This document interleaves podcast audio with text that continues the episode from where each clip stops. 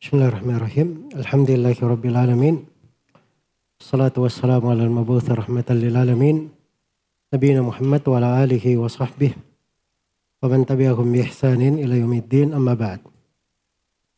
Ini sesi yang kesembilan dari pembahasan kitab Al-Manzuma Az-Zamzamiyah karya Syekh Abdul Aziz Ibnu Ali Az-Zamzami Al-Makki rahimahullahu taala. Baik, kita akan melanjutkan di halaman 50 masih di pembahasan Al-Iqdu uh, Al-Khamis. An-Naw'ut Tasi wal Ashir, Al-Mutlaqu wal Muqayyad. Bentuk ke-9 dan ke-10 dari Al-Iqdul Khamis. Kalung yang kelima.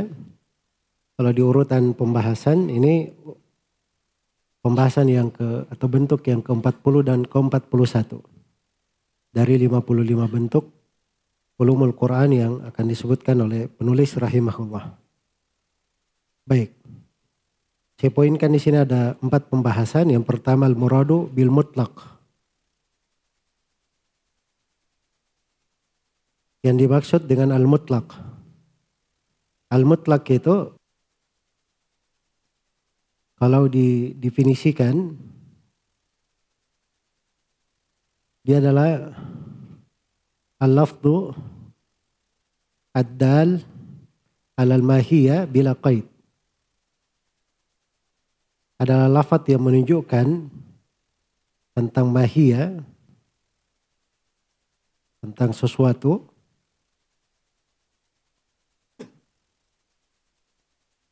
tanpa ada ikatannya. Tanpa ada ikatannya itu disebut mutlak. Oke, kalau misalnya saya katakan akrim taliban. Beri hadiah untuk seorang murid. Atau akrim hadiran. Beri hadiah untuk seorang yang hadir. Nah, di sini siapa yang dapat di sini? Siapa saja kan begitu. Cuma yang dapat itu satu saja karena saya cuma bilang satu orang yang hadir. Jelas ya? Jadi dia berlaku tidak tidak muayyan, tidak ditentukan siapa. Hanya saya yang dapat bukan semuanya. Yang dapat cuma berapa? Cuma satu orang. Jelas ya? Maka itu yang disebut dengan mutlak. Iya. Dari definisinya dikatakan huwal laf, dia lafad. Karena alitlak itu kaitannya dengan ucapan, bukan pada perbuatan. Bukan pada apa? Perbuatan. Iya. Bila qaidin, dia tidak terbatas pada suatu apa pun. Tidak terbatas. Baik. Kalau al-muqayyad itu kebalikan dari mutlak. Kebalikannya. Jadi dia madallala juz'in minal juz'iyat atau fardin minal afrad. Apa yang menunjukkan suatu bagian dari berbagai bagian atau suatu orang tertentu dari banyak afrad. Seperti kalau di masjid ini muliakan si Zaid. Nah itu kan muqayyad namanya, si Zaid. Ya. Abu Bakar. Jelas ya? Baik. Jadi ini yang disebut dengan al-muqayyad. Sekarang muncul pertanyaan, apa bedanya al-mutlak dengan al-am yang sudah berlalu? Apa perbedaan antara keduanya? Al-mutlak dan apa? Al-am. Ya. Perbedaannya itu kalau al-mutlak itu, kalau al-am itu cakupannya al-umum wasyumul. Al-wajil umum wasyumul. Dalam bentuk umum dan mencakup semua. Iya. Ya, kalau saya bilang hadarat tulab, para murid telah hadir. Jadi semua murid sudah hadir. Tapi kalau saya bilang akrim hadiran. Muliakan seorang yang hadir. Nah itu umum juga sebenarnya. Tapi cakupannya itu al-wajhil badaliyah. Untuk apa namanya orang tertentu. Kalau ndak ini maka ini. Kalau ndak ini itu. Kalau sudah dapat ya satu orang yang hadir sudah. Yang lainnya tidak dapat. Jelas ya? Itu perbedaan dari sudut yang pertama. Perbedaan dari sudut yang kedua, kalau am, kata am, itu bisa diperkecualikan. Hadarat tulab illa Muhammadan. Bisa diperkecualikan. Kecuali Muhammad. Tapi kalau mutlak nggak bisa. Akrim hadiran, misalnya, muliakanlah seorang yang hadir, diperkecualikan, itu nggak bisa. So, kalau dikatakan illa Muhammadan tidak cocok, dia hadir juga. Tercakup dia. Baik. Kemudian perbedaan yang kedua, kalau lafadznya ya menunjukkan semuanya, kena semuanya tercakup, maka itu disebut am. Iya disebut umum. Innal insana lafi khusr. Maksudnya semua manusia, semuanya. Illal ladina amanu wa amilus salihat. Jelas ya? Tapi kalau kalau mutlak nah itu tidak tercakup semuanya, hanya orangnya saja belum ditentukan. Akrim misalnya Taliban siapa talibnya? Belum ditentukan saja, tapi tidak semua jadi dimuliakan, cuma satu saja. Hanya belum disebut siapa dia. Baik. Kemudian perbedaan dari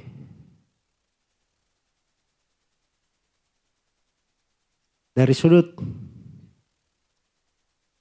yang lainnya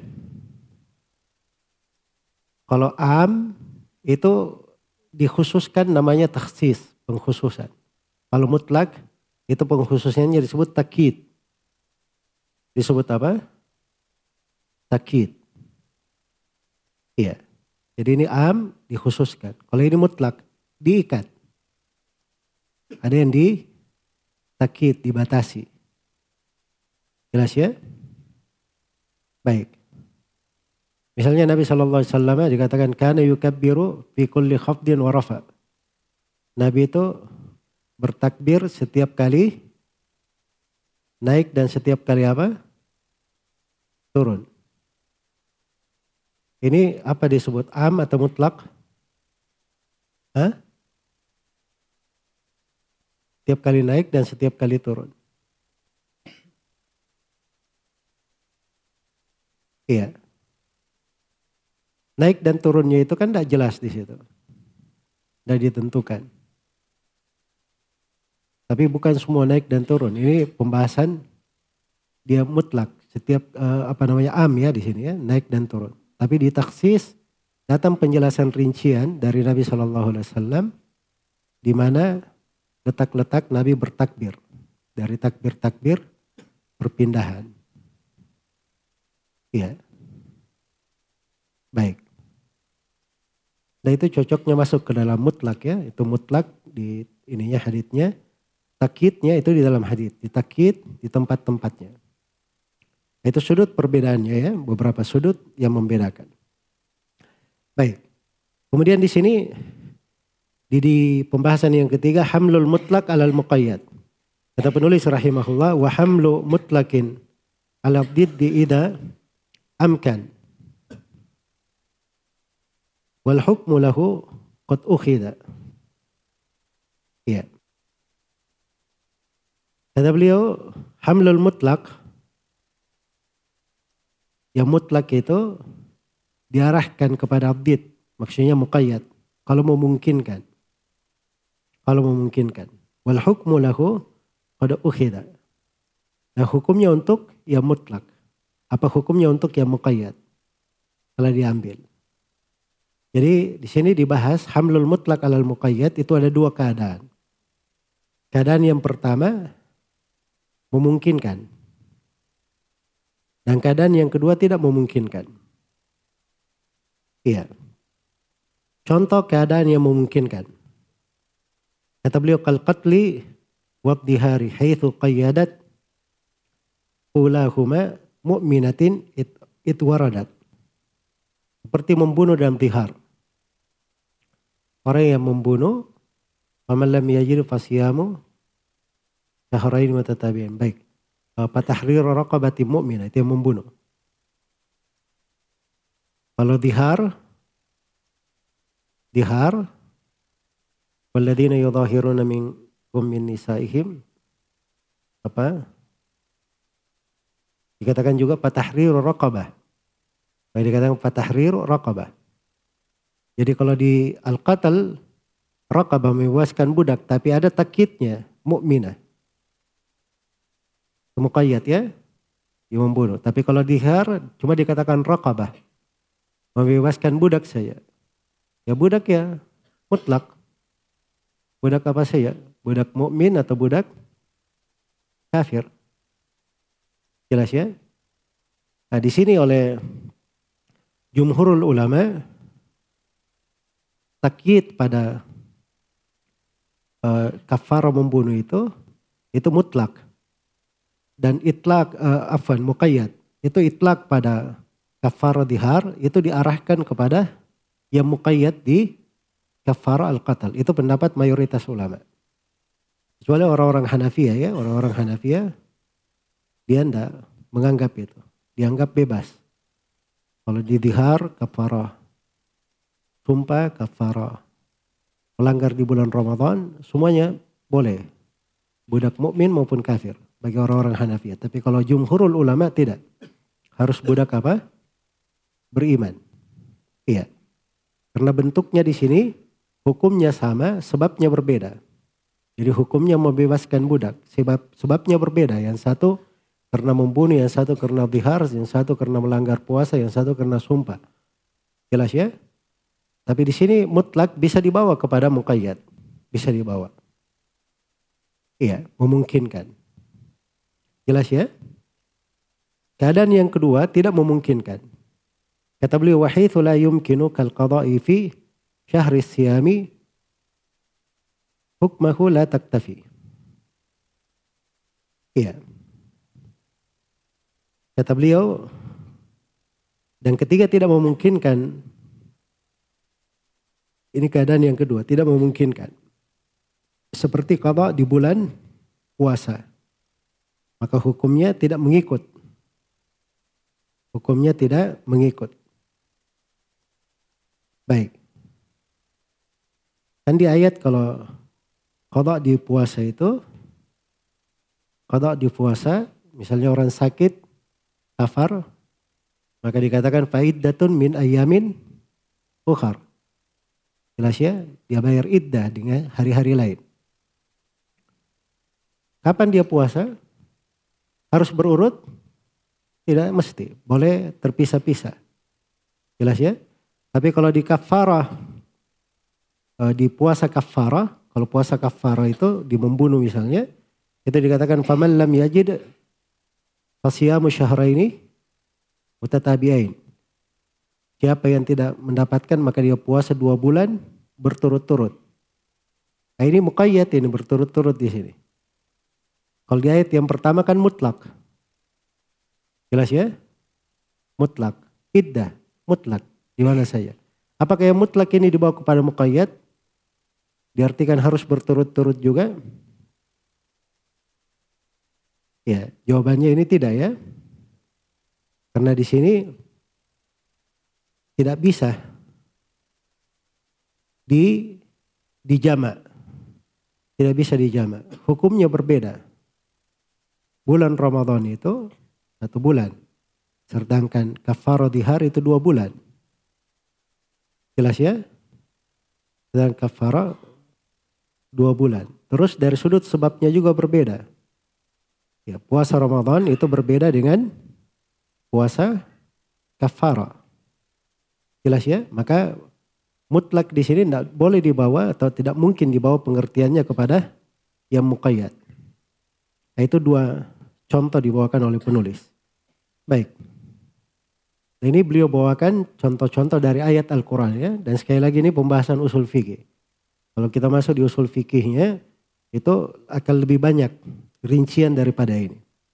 Karena akan dibahas secara umum tentang kaidah mutlak dan muqayyad dari ayat maupun dari hadis. Baik, berikutnya yang ke 11 dan ke-12. An-nasihu wal mansuh. Ya. Yang nasih dan mansuh. Ini ke-11 dan 12 dari Al-Iqdu Al-Khamis. Kalau di urutan pembahasan ulumul Quran yang disebut oleh Suyuti ini yang ke-42 dan ke-43 dari 55 bentuk ulumul Quran. Kata beliau rahimahullahu taala atau saya poinkan di sini ada lima pembahasannya al-muradu bin nasikh wal mansuh. Yang dimaksud dengan nasikh dan mansuh. An-nasikh dan mansuh itu berasal dari kata an-nasakh. Berasal dari kata an-nasakh. Dan nasakh itu ya secara bahasa itu bisa bermakna izala dihilangkan dan bisa bermakna an-naql dipindahkan. Bisa bermakna nasakh dihilangkan dan bisa bermakna an-naql dipindahkan. Baik. Adapun secara istilah an-nasakh itu diartikan oleh para ulama rahimahumullahu taala dengan makna raf'u al-khitab syar'i atau hukmihi thabit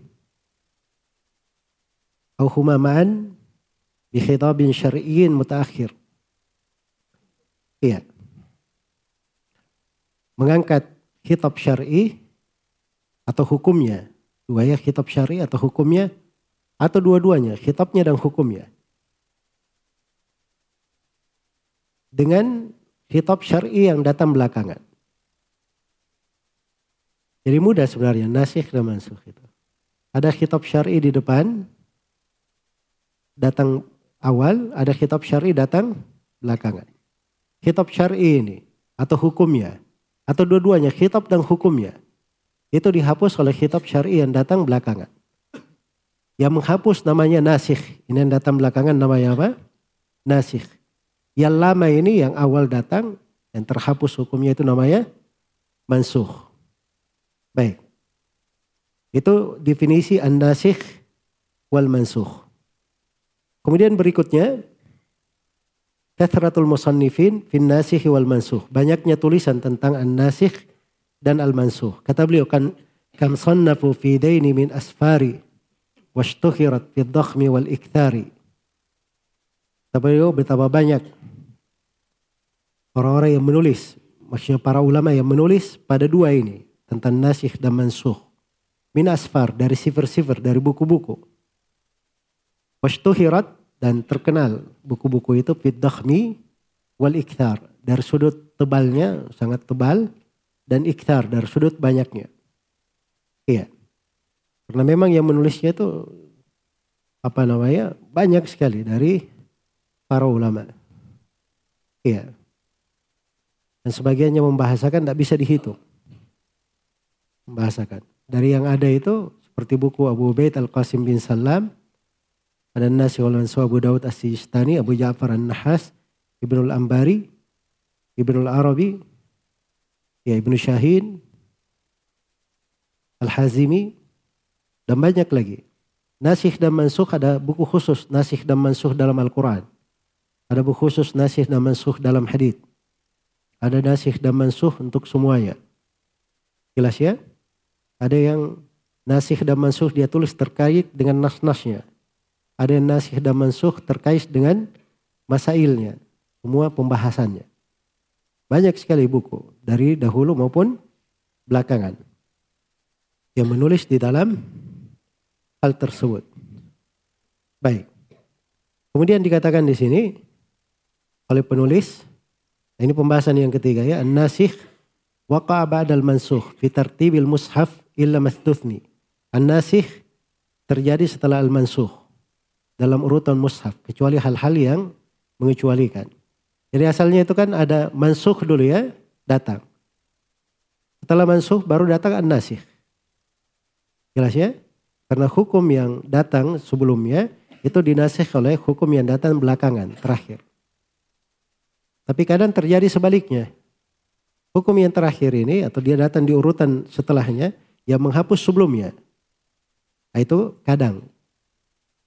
Tapi kalau hukum asal, kalau ada nasih dan mansuh, Pakaian nasih itu biasanya datang belakangan. Yang masuk datang lebih awal atau sebelumnya. Itu biasanya. Kecuali yang diperkecualikan. Ya, makanya penulis di sini kasih pembahasan. Kata beliau wanasihun min ba'di mansuhin ata tartibuhu illa alladhi qad thabata. Jadi asalnya seperti itu ya, kecuali kalau thabit ya. Thabit itu di mana? Ini ada dua ada dua tempat beliau terangkan. Iya. Ada dua tempat. Tempat yang pertama kata beliau min ayatil iddati la yahillu lakan nisa'u sahha fihi naklu. Ada dua. Ayat tentang iddah, kemudian ayat la yahillu lakan nisa. Yang pertama ayat tentang iddah dulu. Iya. Ayat tentang iddah. Ada ayat yang kita lihat urutan urutan mushafnya ya. Surah Al-Baqarah ya ayatnya. Pada ayat 240, "Walladzina yutawaffawna minkum wa yadaruna azwajan" uh, uh, ayat 234-nya dulu ya. "Walladzina yutawaffawna minkum wa yadaruna azwajan yatarabbasna bi anfusihinna arba'ata ashhurin wa asyara." Ini ayat pertama. Setelah itu datang setelahnya, "Walladzina yutawaffawna minkum wa yadaruna azwajan" wasiyatan li azwajihim mata'an ilal hauli ghaira ikhraj. Gimana yang pertama tadi? Hah? Ya tarabbasna atau wasiyah? Hah? Ya tarabbasna yang pertama kan, wasiyah datang belakangan. Harusnya yang wasiyah ini menghapus ya tarabbasna yang di atas kan? Tapi ini terbalik, ya tarabbasna yang menghapus apa?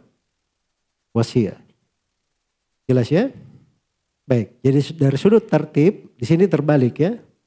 Keluar dari aturan. Baik, contoh yang kedua, la yahillu lakan nisa. La yahillu lakan nisa. Kalau ayat sebelumnya itu inna ya ayuhan nabiyyu inna ahlalna laka azwajaka allai dan seterusnya. Itu ayat pertama. Ayat yang ke berapa itu? 50 ya. Datang ayat ke-52-nya. Setelah itu, la yahillu lakan nisa'u min ba'du. Nah. Ini la yahillu lakan nisa'u min ba'du, harusnya dia menghapus di atas kan? Tapi ini yang terhapus, dihapus oleh inna ahlalna laka azwajak. Jelas ya? Jadi itu saja dua tempat yang tidak mengikuti tertib mushaf. Itu yang dua dua tempat yang diperkecualikan. Baik. Dan itu sekaligus sebagai contoh. Karena contohnya ini banyak ya, antum sudah tahu banyak buku yang ditulis. Ya, jadi kalau dari sudut contoh-contohnya banyak. Setelah itu pembahasan yang keempat, antum tambah saja di situ. Pembahasan yang keempat, anwa'un nasakh. Bentuk-bentuk nasakh. Iya. Pembahasan yang keempat. Kata beliau, wan naskhu lil hukmi awit tilawati aulahuma kayatir radhaati. Kayatir radhaati. Baik. Ada kabel di situ, Budi. IPC.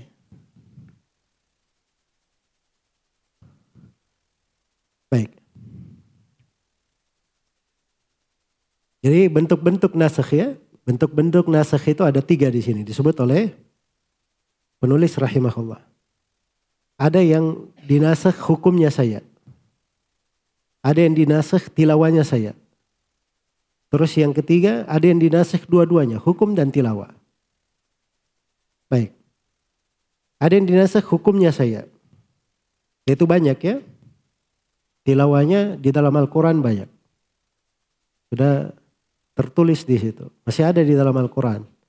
Tapi hukumnya sudah terhapus. Iya. Seperti akan datang nanti di bentuk berikutnya yang terkait dengan masalah ayat najwa.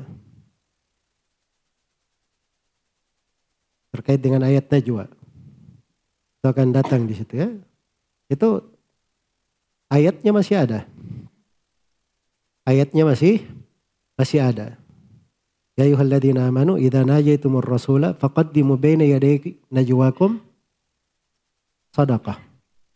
Jadi ayat itu masih ada. Jadi wahai orang-orang yang beriman, kalau kalian berbicara kepada Rasul, sebelum bicara beri sedekah dulu. Hah? Ada ayatnya terbaca, tapi hukumnya sudah apa? Terhapus. Hukumnya sudah terhapus. Dan itu banyak contohnya. Contoh yang kedua, ada yang dinasakh tilawanya saya. Hukum tetap. Seperti rajam. Rajam dulu itu ayat ya, ayat. Karena itu syah di Sunan Nasai Al-Kubra. Ya. Dan di Zawud Imam Ahmad. Ayat itu wasyekh wasyeikhatu idza zanaya farjumuhumal batta. Seorang laki-laki dan perempuan tua maksudnya sudah menikah kalau keduanya berzina maka rajamlah keduanya. Itu dulu ayat. Dulunya itu adalah apa? Ayat. Tapi setelah itu terhapus hukumnya.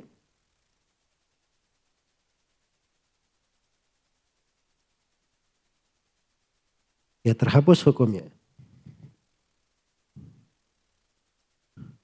Baik.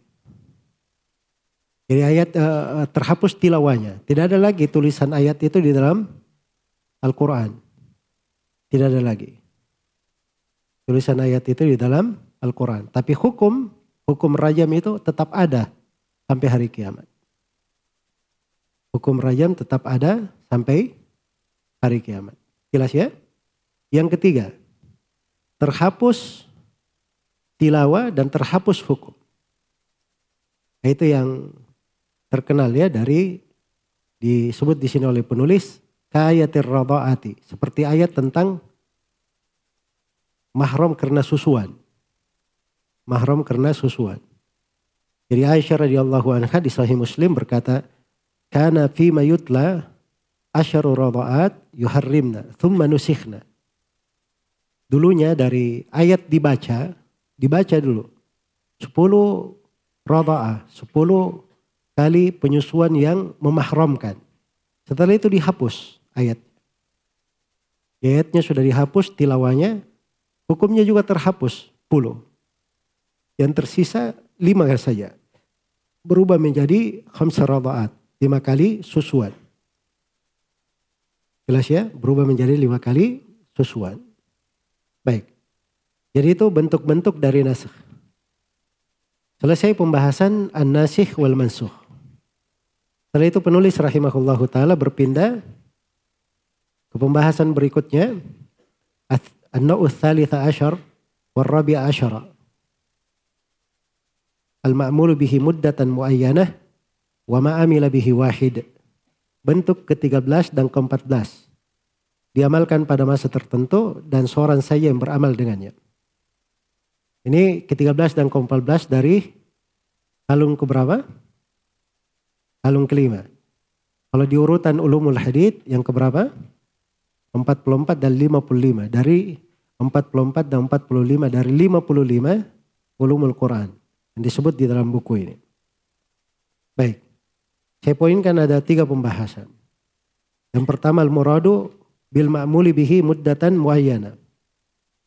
Yang dimaksudkan dengan yang diamalkan. Muddah muayyana.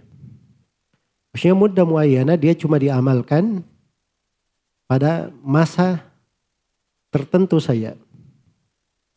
Ya, hanya diamalkan pada masa tertentu saja. Baik. Ada yang mengatakan 10 hari, ada yang mengatakan satu saat. Itu masa tertentu. Terus yang kedua, al-muradu bima amila bihi wahid. Yang dimaksud dengan seorang saja yang beramal dengannya. Maksudnya dari ayat itu, tiga turunnya hanya satu orang yang mengamalkan. Belum ada dari umat Islam yang lain yang mengamalkannya. Ini akan datang nanti ya tentang contoh ayatnya cuma Ali bin Abi Thalib yang mengamalkannya. Baik, kemudian yang ketiga di rumah waqa min dalik. Ini dua jenis ya berasal dari satu ayat pembahasannya. Iya. Berasal dari satu ayat. Kata beliau ka ayatin najwa allati lam ya'mali minhum biha mut nazalat illa ali. Wasa'atan qad bakiyat tamama wakila bal wakila la bal asyratan ayyama. Seperti ayat An-Najwa. Itu ayat An-Najwa yang kita sebut semua tadi. Apa tadi ayatnya? Ya ayuhalladzina amanu idza najaitumur rasula faqaddimu baina yaday najwakum sadaqah. Nah, ini ayat ini menjadi pembahasan untuk dua jenis ini. Jenis yang pertama diamalkan waktu tertentu. Jadi ada yang mengatakan ketika ayat ini turun itu cuma diamalkan satu saat saya. Kata saat itu kalau bahasa Arab itu bukan sesaat kita ya Indonesia ya. Satu saat maksudnya itu kadar ya, kadar waktu. Mungkin sekitar 45 menit sampai satu jam. Itu satu saat namanya. Jelas ya? Baik. Itu akan jelas ya kalau antum baca hadith tentang keutamaan mendatangi Jumat. Siapa yang datang di as-saatil ula, as-saatil thaniya, as-thalitha. Itu dari habis subuh sampai ke sholat Jumat. Nah itu dihitung saat di situ. Jadi kadarnya sekitar itu. 45 menit sampai 1 jam. Sebab kalau diukur begitu nanti hasilnya. Jelas ya? Dade mengatakan tidak 10 hari. 10 hari. Iya. Baik. Kemudian yang kedua, ayat ini juga ini bentuk yang ke-14. Yang mengamalkan cuma Ali. Ketika turun, sahabat yang melakukannya cuma siapa? Ali bin Abi Thalib radhiyallahu taala anhu. Iya. Jelas ya? Dan ini datang di dalam sebuah hadis diriwayatkan oleh Imamul Hakim tapi sanatnya ada kelemahan. Sanatnya ada kelemahan. Dan dua bentuk ini hanya dibangun di atas satu hadis yang lemah ini. Jelas ya? Baik. Jadi itu bentuk dari ulumul Quran dihitung oleh Suyuti dasarnya hadith lemah. Selesai sudah dari lima kalung pembahasan. Berikutnya kalung pembahasan yang terakhir. Alikdus sadis. Ya. Yang keenam. Alikdus sadis. Mayarji'u ilal ma'ani al-muta'alliqah bil alfab wahiyya sittatu anwa. Kalung keenam. Apa-apa yang kembali kepada makna yang berkaitan dengan lafaz. Terdiri dari enam bentuk. Terdiri dari enam bentuk. Ini saya poinkan dua pembahasan. Yang pertama al-muradu bihadal ikut. Yang dimaksud dengan al-ikut ini. Jadi kalung pembahasan ini, ini klasifikasi tersendiri. Terkait dengan makna juga. Kalau yang pertama kan makna titik beratnya pembahasan ahkam. Yang kelima itu tadi. Kalau ini makna, tapi makna itu dipetik dari mana? Dari lafadznya. Dari lafadz itu dipetik makna. Jelas ya? Baik. Kemudian yang ke kedua, ta'alluqu mabahithi ulumil Quran bihadal ikut. Kaitan pembahasan ulumul Quran dengan kalung ini. Ya banyaklah dari apa namanya pembahasan yang terkait dengannya. Di sini disebut oleh penulis ada enam. Enam bentuk ini ini yang disebut oleh penulis rahimahullah, ini semuanya pembahasan ilmu al-ma'ani dari ilmu balaghah. Dari ilmu ma'ani itu ada pembahasan lain selain daripada yang disebut oleh penulis. Karena itu memang makna terkait dengan lafaz dari makna ini bagaimana kita bentuk. Ya. Apa namanya? Pembahasan-pembahasan. Nah, karena itu orang yang masuk berbicara tentang Al-Quran, memahaminya, menafsirkannya, itu harus tahu dari ilmu ma'ani, dari ilmu balaghah. Supaya dia bisa mengerti keindahan-keindahan Al-Quran tersebut. Jelas ya? Itu dari sudut maknanya saya dari lafat dari lafat itu dipetik makna. Dipetik makna. Makanya jangan uh, apa namanya? Jangan seseorang itu melantarkan pembahasan-pembahasan ini. Kadang kita lewat satu ayat saya itu subhanallah ya kadar ayat itu luar biasa ya besarnya. Luar biasa besarnya dari sudut ilmu ma'ani. Karena itu Nabi SAW kadang satu malam beliau cuma membaca satu ayat di sholat malam. Intu adibuhum fa'innahum ibaduk Wa in tagfir lahum fa innaka antal azizul hakim. Itu luar biasa ayat ini kalau dilihat dari sudut mana. Walladhi ba'atha fil ummiyina. Dialah yang ba'atha. Mengutus ya kalau kita artikan begitu. Ba'atha itu dari kata al-ba'ath, membangkitkan. Orang mati dibangkitkan. Jadi dari sudut mana itu kadang dari latifah pembahasan itu Nabi itu datang menghidupkan orang. Seperti orang mati dihidupkan. Agama itu menghidupkan. Itu kan ma'ani semua itu. Nah kalau itu dikuasai, maka itulah yang membuat seorang itu apa semakin cinta dengan Al-Quran. Semakin cinta dengan Al-Quran. Dia bisa tadabbur Al-Quran dengan sangat mendalam sekali. Iya. Karena itu sebagian ulama itu kadang membaca satu ayat, subhanallah ayat itu mempengaruhinya sampai berhari-hari. Karena dahsyatnya kandungan ayat terhadap dirinya. Itu renungan itu terhadap makna, ahkam, tafsir, dan selainnya. Terkandung di dalamnya. Jadi kalau kita tidak pelajari ini, itu sulit untuk sampai ke sana. Jelas ya? Maka bagian dari ilmu ma'ani, ilmu balaga, itu ada di dalam hal-hal tersebut. Baik ini enam eh, enam bentuk di sini itu saya katakan tadi ini semuanya dari pembahasan ilmu balaghah. Iya, tepatnya di ilmu ma'ani. Baik. Kata beliau an-naw'ul awal wathani. Al-faslu wal wasl. Bentuk pertama dan kedua dari ikdud al-iqd as-sadis. Kalung keenam. Kalau diurutan pembahasan itu bentuk yang ke-46 dan ke-47 dari 55 bentuk ulumul Quran yang disebut oleh penulis. Baik. Saya poinkan tiga pembahasan. Pembahasan yang pertama adalah al-muradu fil fasli wal wasl. Yang dimaksud dengan al-fasl dan apa? Al-wasl. Iya, al-fasl itu mudah sebenarnya ya. Al-fasl itu dipisahkan, tidak diatofkan. Al-wasl itu artinya disambung, diatofkan. Diatofkan. Iya. Diatofkan. Dan ini uslub dari asalib ilmu balaghah. Iya. Pembahasannya di ilmu ma'ani. Jadi yang dimaksud dengan al-wasl tadi apa? Ataf. Al-fasl artinya apa? Tidak diatafkan. Begitu saja. Dari sudut maksudnya. Itu punya keterkaitan ya. Seorang itu kalau menyambung, nah itu lebih indah maknanya. Kalau dia sambung, ada memberi makna lain.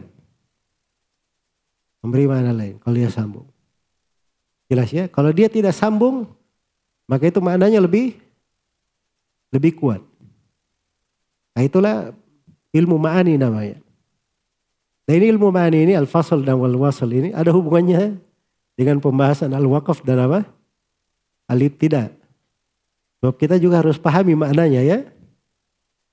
Harus pahami maknanya. Baik. Jadi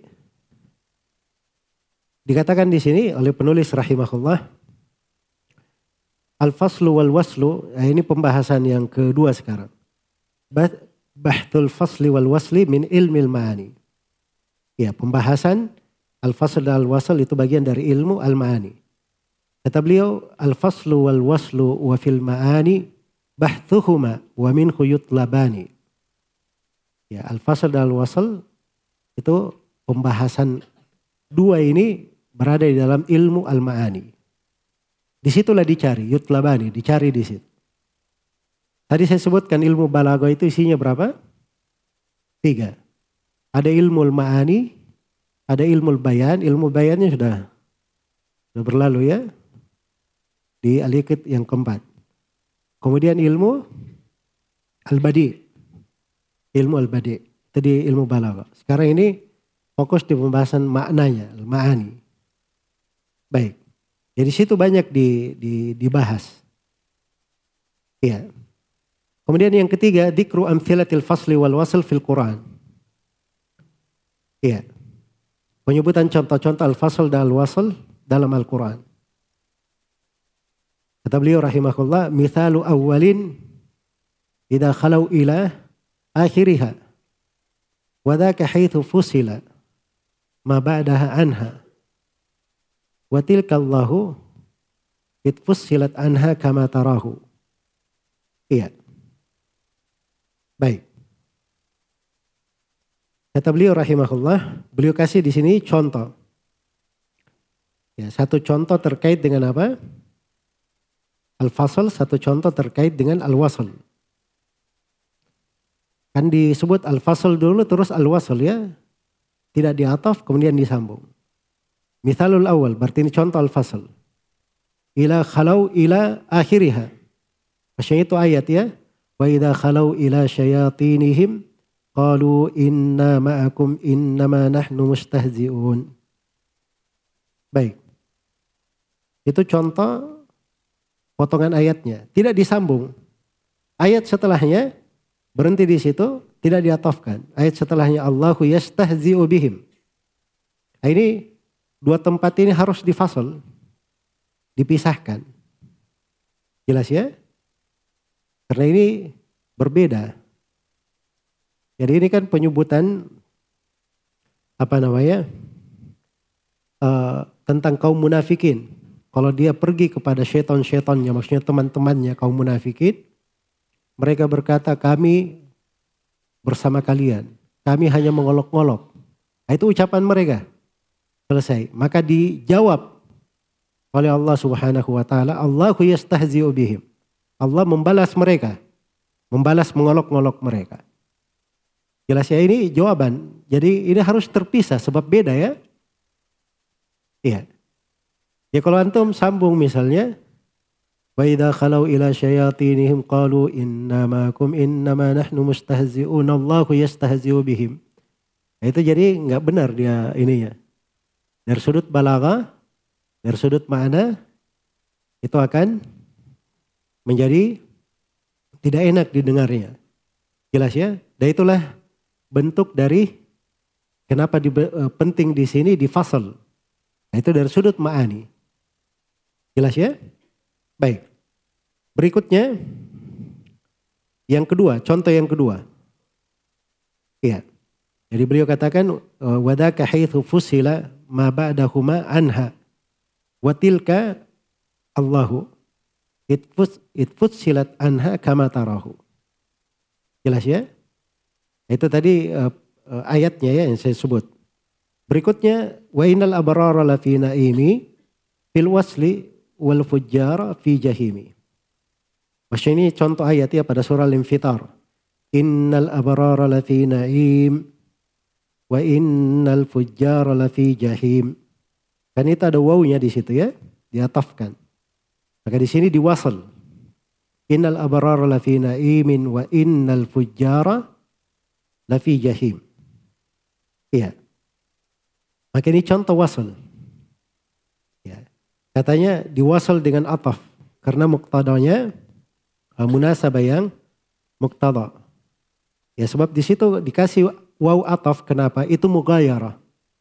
Berbeda. Uh, Al-abrar di kenikmatan. Al-fujjar di apa? Di lafi jahim. Kenapa ada di fasal dengan waw uh, di diberi ataf? Ya karena itu untuk membedakan lil mughayara. Jelas ya? Baik itu dari sudut maknanya. Dari sudut maknanya. Kalau disambung, ah, itu belum tentu cocok ya disambung. Misalnya antum sambung innal abrara lafi na'imin wa innal fujjara lafi jahim. Ayat setelahnya apa? Yaslaunaha yawmaddin. Ini kaitannya ke mana yaslaunaha yawmaddin? Kepada penduduk surga atau penduduk neraka? Hah? Penduduk neraka kan? Jadi kalau disambung di bacaan itu tidak cocok. Tapi kenapa diwasal di situ secara balago ada wawnya? Nah, itu untuk mugayara. Karena waw taktari al-mugayara. Menunjukkan perbedaan. Itu asal mana waw. Ja'a Muhammadun wa Amrun. Datang Muhammad dan Amr. Muhammad bukan Amr. Amr bukan Muhammad. Kan begitu asalnya. Jelas ya? Baik. Jadi ini terkait dengan ilmu al-ma'ani. Ilmu al-ma'ani. Baik, ada tempat-tempat yang dikatakan wajib di situ difasal wajib untuk difasal. Iya. Dan ada tempat-tempat yang dikatakan wajib untuk di apa? Untuk di uh, diwasal. Wajib untuk diwasal. Misalnya wajib untuk di misalnya wajib untuk di pasal ya. Iya.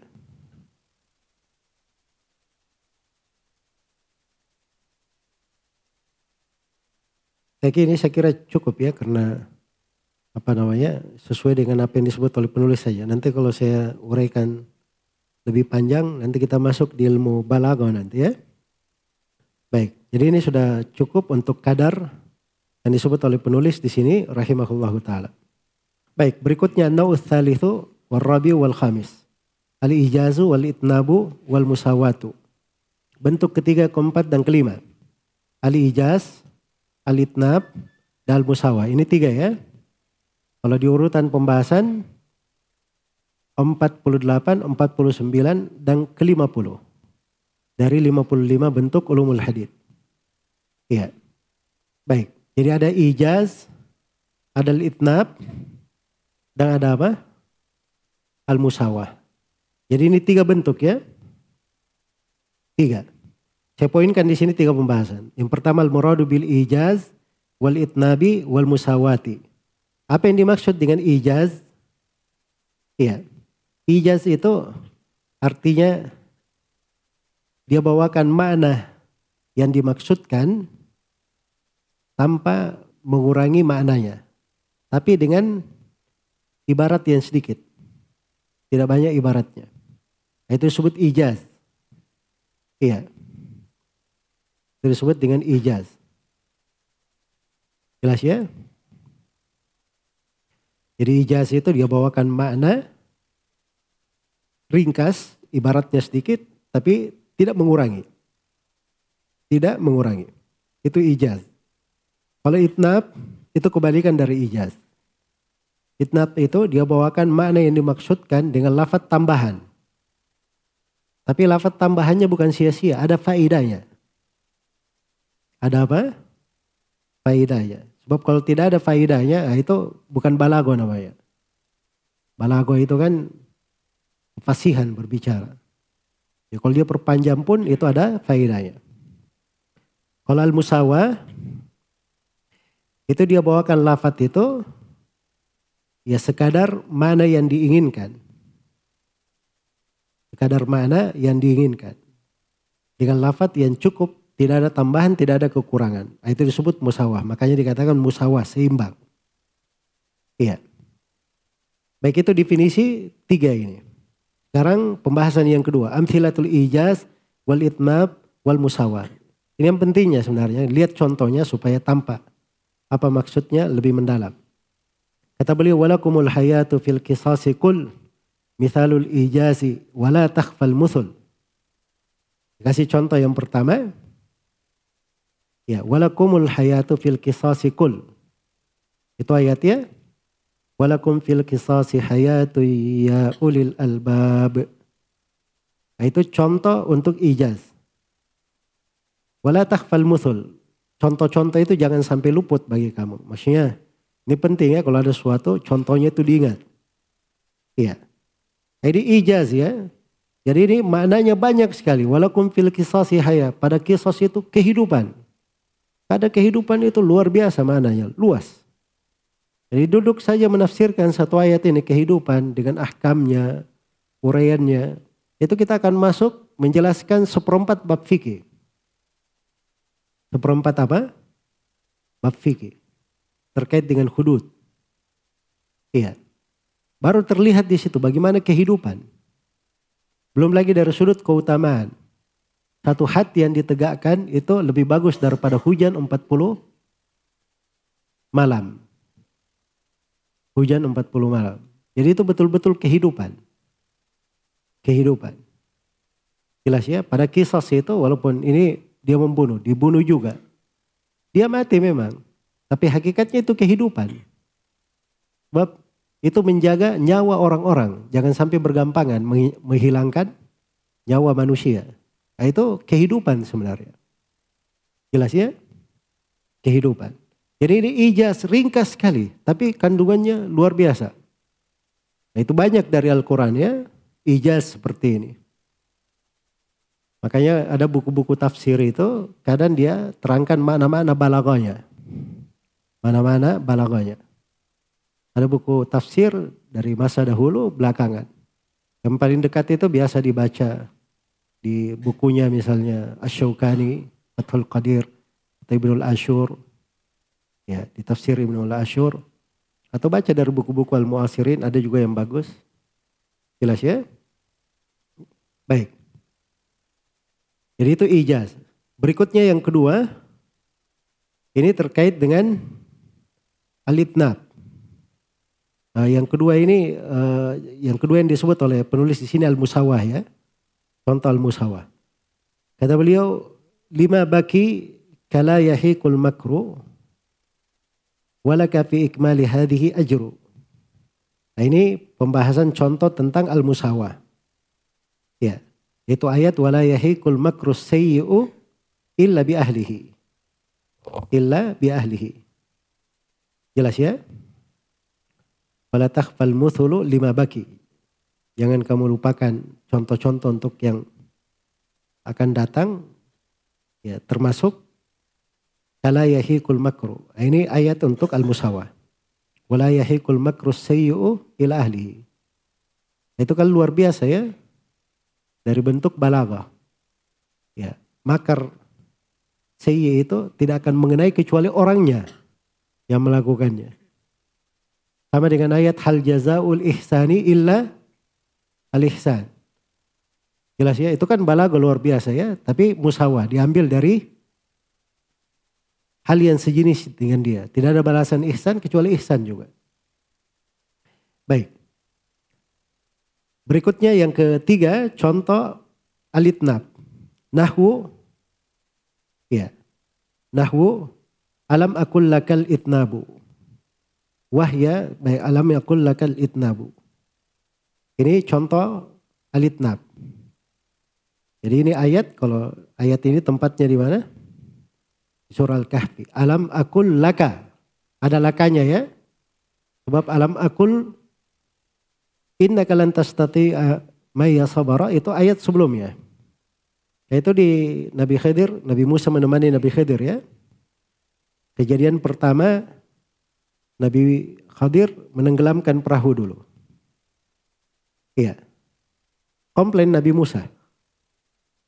Maka Nabi Khidir ingatkan, alam akul inna kalan tastati maya sabara. Diingatkan, bukankah dari awal saya sudah katakan, engkau tidak mampu untuk sabar? Maka Nabi Musa pun minta udur. Dia bilang apa? La tu'akhidni bima itu wa la turhiqani min amri usra.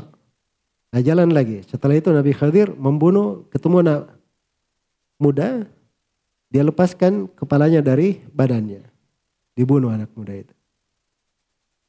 Maka Nabi Musa berkata, Qatalta nafsan zakiyatan bighairi nafs, laqad ji'ta syai'an nukra. Iya. Maka Nabi Khidir menegur lebih keras lagi.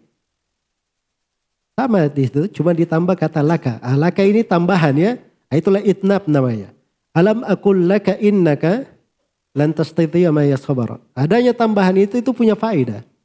Bahwa ini tegurannya lebih keras daripada yang pertama. Makanya datang di dalam hadis itu Nabi berkata ketika mengisahkan kisah ini dibacakan ayat dikatakan hadihi asyaddu minal ula. Ini lebih kuat daripada yang pertama. Ah, itu faida itnab. Jelas ya? Nah, itnab yang seperti ini itu ada di dalam asalib. Ya. Ada di dalam asalib. Banyak di dalam Al-Quranul Karim. Hafidhu kita sudah lewat tadi. Hafidhu ala salawati apa? Wassalatil wusta. Itu itnab juga. Sebenarnya sudah cukup. Pelihara sholat-sholat. Tapi begitu ditambah salawatil wusta. Berarti salawatil wusta ini punya apa? Punya kelebihan. Itu disebut itnab. Jadi dia memperpanjang tapi ada manfaatnya, ada faedahnya. Bukan sekedar diperpanjang saja. Ya. Baik, selesai ya. Kemudian pembahasan yang ketiga, kata beliau babul ijazi wal itnabi wal musawa min ilmil mani. Pembahasan al-ijaz, al-itnab, al-musawa adalah bagian dari ilmu al-ma'ani. Kata beliau wahya laha ladal ma'ani babu. Ini tiga ini, ini di ilmu ma'ani ada babnya. Ada pembahasannya. Baik, sekarang na'us sadis, al-qasru. Al-qasru ini juga bagian dari pembahasan ilmu al-ma'ani. Iya, al-qasru. Saya poinkan ada tiga pembahasan di sini. Yang pertama al-muradu bil qasr. Yang dimaksud dengan apa? Al-qasr. Al-qasr itu kan kalau di bahasanya itu kan Hah? Ringkas ya, apa yang ringkas. Baik. Di dalam definisinya itu diberi tarif oleh apa namanya? Penulis kitab Nahjut Taisir kata beliau huwa takhsisu amrin bi akhar bi tariqin makhsus. Iya. Dia adalah mengkhususkan perkara dengan hal lain dengan cara tertentu. Dengan cara khusus. Misalnya engkau ingin kita ingin mengatakan cuma Zaid yang berdiri. Maka kita katakan maka imun illa Zaidun. Tidak ada yang berdiri kecuali siapa? Zaid. Iya, itu al-qasr namanya. Itu al-qasr. Ada pembagian-pembagian al-qasr itu ya di pembahasan ilmu ma'ani. Iya. Tapi di sini dikasih oleh penulis rahimahullah contoh. Beliau tegaskan dulu wadaka fil ma'ani bahtuhu kama Muhammadun illa rasulun ulima. Pembahasan yang kedua al-qasru mimma bahithi ilmi ma'ani. Kata al-qasru adalah bagian dari pembahasan ilmu ma'ani. Wadaka fil ma'ani bahtuhu. Al-qasr ini dalam ilmu ma'ani pembahasannya. Iya. Kalau di ilmu ma'ani itu disebut al-qasr terbagi dua. Ada qasr hakiki dan ada qasr idhafi. Yang hakiki itu kasar hakiki seperti la ilaha illallah. Jelas ya, itu kasar hakiki. Karena memang la ma'budah bihaqqin illallah, dibatasi. Iya. Kalau idhafi ini dikasih contoh oleh penulis di sini. Wa ma Muhammadun illa rasul. Iya. Nabi Muhammad itu kecuali hanya seorang rasul. Wa ma Muhammadun illa rasulun qad khalat min qablihi rusul. Ya, tapi itu ada faedahnya. Nabi itu kan banyak tugasnya. Nabi Muhammad Rasul, Nabi, kepala negara, hamba juga, Bashir, Nadir. Itu kan sifat-sifat beliau dalam Al-Quran itu. Jelas ya? Tapi kenapa dibatasi Rasul di sini? Nah, ini penting juga untuk diketahui maknanya ya. Iya. Karena itu Asyuyuti menjelaskan sudut kenapa dibatasi penyebutan Rasul, kata beliau, iya, sebab ini tidak akan terlepas kata Rasul ini dari Nabi Muhammad SAW dengan kematian beliau. Artinya beliau adalah Rasul yang terakhir. Dan tidak akan ada lagi Rasul setelahnya. Jelas ya? ini dari ayat yang dipakai. Kalau ada yang mengaku Nabi, Rasul misalnya. Ini ayat masuk ke dalam pembahasan. Sebab konsekuensi ilmu balaghah seperti itu. Jadi orang bilang ma syairun illal mutanabbi misalnya. Tidak ada penyair kecuali mutanabbi. Datang orang setelahnya itu enggak sama mutanabbi. Kan begitu. Jelas ya? Ya ketika dikatakan bahwa Nabi Muhammad adalah seorang Rasul. Iya. Artinya itu sifat melekat untuk beliau. Setelah beliau meninggal pun Rasul itu hanya beliau. Rasul yang terakhir. Begitu maksudnya.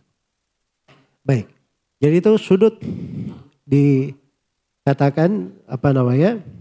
Sudut dikatakan sebagai uh, keberadaan beliau Shallallahu Alaihi Wasallam sebagai seorang Rasul. Uh, ini sudut al-qasr ya, pembahasan al-qasr. Dan ini kaitannya dengan ilmu al-ma'ani. Yang terakhir al-khatimah. Al-khatimahnya langsung mengandung empat pembahasan di sini oleh penulis rahimahullah. Iya.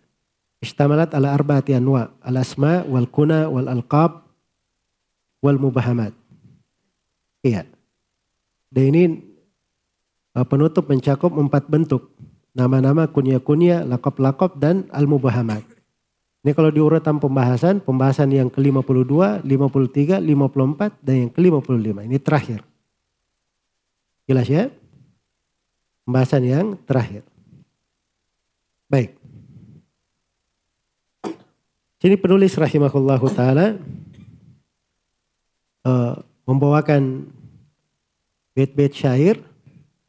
Ya, saya poinkan di sini ada delapan pembahasan ya. Ada delapan pembahasan. Itu di cetakan akhir ini ada sedikit kekeliruan ya.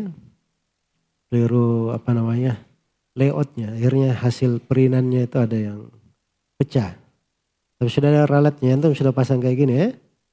Hah? Dipaskan ya supaya gampang dibaca. Baik. Jadi saya poinkan ada delapan pembahasan di sini. Yang pertama al-muradu bil isim. Kan ada al-asma. Al-asma jama dari isim. Al-kuna jama dari apa? Kunya. Al-alqab jama dari laqab. Al-mubahamat jama dari apa? Mubaham. Ini kita akan definisikan satu persatu. Yang pertama yang diinginkan dengan isim dulu. Apa itu isim? Isim itu al-alam ad-dal alal musamma. Isim itu adalah penamaan yang menunjukkan atau tanda yang menunjukkan untuk sebuah penamaan. Itu disebut dengan isim.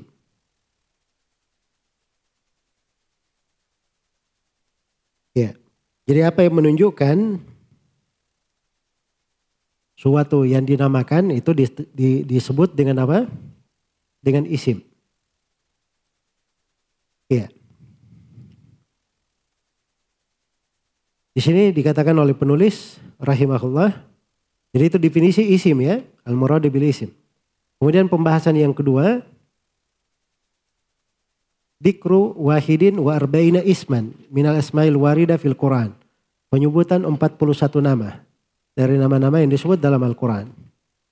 Ya beliau akan menyebutkan dulu 25 nama Nabi dan Rasul. Setelah itu beliau sebutkan nama-nama lain yang disebut dalam Al-Quran. Totalnya semuanya 41 nama. Totalnya semuanya berapa? 41 nama. Baik. Nama yang pertama kata beliau di sini Ishaqu Yusufu Walutun Isa. Hudun wa Salihun Shu'aibun Musa. Iya. Ini delapan nama. Pertama Ishak, yaitu Nabi Ishak alaihi wassalam. Ishak bin siapa? Bin Ibrahim. Ishak ibnu Ibrahim alaihi wassalam.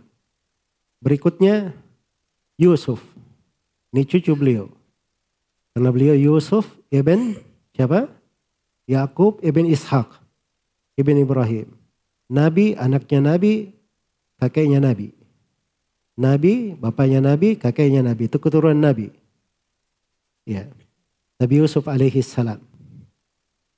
Baik. Kemudian yang kedua, yang ketiga Walutun. Ya Lut bin Haran. Lut bin apa? Haran. Itu yang terkenalnya ya. Disebut di buku-buku tarikh. Nah di sini ada poin pembahasannya terkait dengan tarikh penamaan. Ini kan umat-umat telah lalu. Ya, itu biasanya diketemukan oleh para ulama ahli tarikh dari membaca sejarah-sejarah. Sejarah yang mereka baca itu Bukan di sejarah umat ini saja, di sejarah umat-umat yang telah lalu juga. Nah, dari sejarah umat-umat yang telah lalu itu sumber-sumber rujukannya kadang mereka ambil dari buku-buku umat yang telah lalu. Tapi mereka mengadakan penelitian ya pada hal-hal yang mendekatinya dan mencocok ilmu sejarah bisa diambil, mereka ambil. Nah, itulah sudut-sudut penamaan juga. Baik, jadi Lut itu dikatakan namanya Lut bin siapa? Bin Haran. Baik. Kemudian yang keempat Isa, yaitu Isa bin Maryam alaihi salam. Kemudian yang kelima Hudun. Ya. Dan Hud ini adalah Hud bin Abdullah. Hud bin Abdullah. Baik. Itu disebutkan di sebagian buku sejarah ya. Misalnya Nabi Ishak itu dilahirkan setelah Nabi 14 tahun dilahirkan setelah Nabi Ismail. Jadi Nabi Ismail dulu kemudian Nabi Ishak. Ya. Dan Nabi Ishak hidup selama 180 tahun. Nabi Yusuf hidup selama 120 tahun. Ya. Nabi Lut itu dikatakan orang yang paling mirip dengan Nabi Adam. Nabi Isa alaihi salam itu sama dengan para nabi yang lain, beliau menjadi nabi di umur 40 tahun. Dan diangkat ke langit di umur 120 tahun. Jelas ya? Baik. Dan akan datang di sebagian hadis beliau turun, kemudian nanti menikah dan ada anaknya. Di sebagian hadis. Cuma itu saya gak ingat ya dari sudut riwayat. Apakah itu kuat, tapi itu disebut di pembahasan-pembahasan di buku-buku akidah. Iya. Kemudian uh, baik. Kemudian Nabi Hud. Ya. Nabi Hud ini disebutkan juga ya terkait dengan beliau di dalam sejarah. Tapi kayaknya tidak perlu kita terangkan di sini. Kemudian Salih. Ini yang keberapa tadi Nabi Salih? Yang keenam. Nabi Salih bin Ubaid. Nabi Saleh bin Ubaid. Sebutkan hidup selama 58 tahun. Ya, kemudian Nabi Shu'aib, yaitu Shu'aib bin Mikail. Shu'aib bin Mikail. Ya. Baik. Ada yang mengatakan beliau dari keturunan Nabi Ibrahim. Ya Shu'aib bin Mikail bin Yasjun bin Madian bin Ibrahim begitu. Ada yang mengatakan dia digelari khatibnya para nabi. Kemudian berikutnya yang ke delapan Nabi Musa, yaitu Musa bin bin Imran alaihi salam. Sebutkan hidup 120 tahun. Dan Harun. Berikutnya Harun, Dawud, Benuhu, Ayyubu. Dulkifli Yunusun, kadaka Yaqubu. Yunusun harusnya Yunus ya, tapi di uh, ditanwin di situ untuk mengikuti untuk darurat syair supaya seimbang kofianya. Berikutnya yang kesembilan Nabi Harun. Nabi Harun ini saudara Nabi Musa. Tapi apakah dia saudara saya dan seibu atau saudara saya saja atau saudara seibu saja? Itu silam pendapat. Ya, kebanyakannya menganggap bahwa beliau adalah saudara saya dan seibu.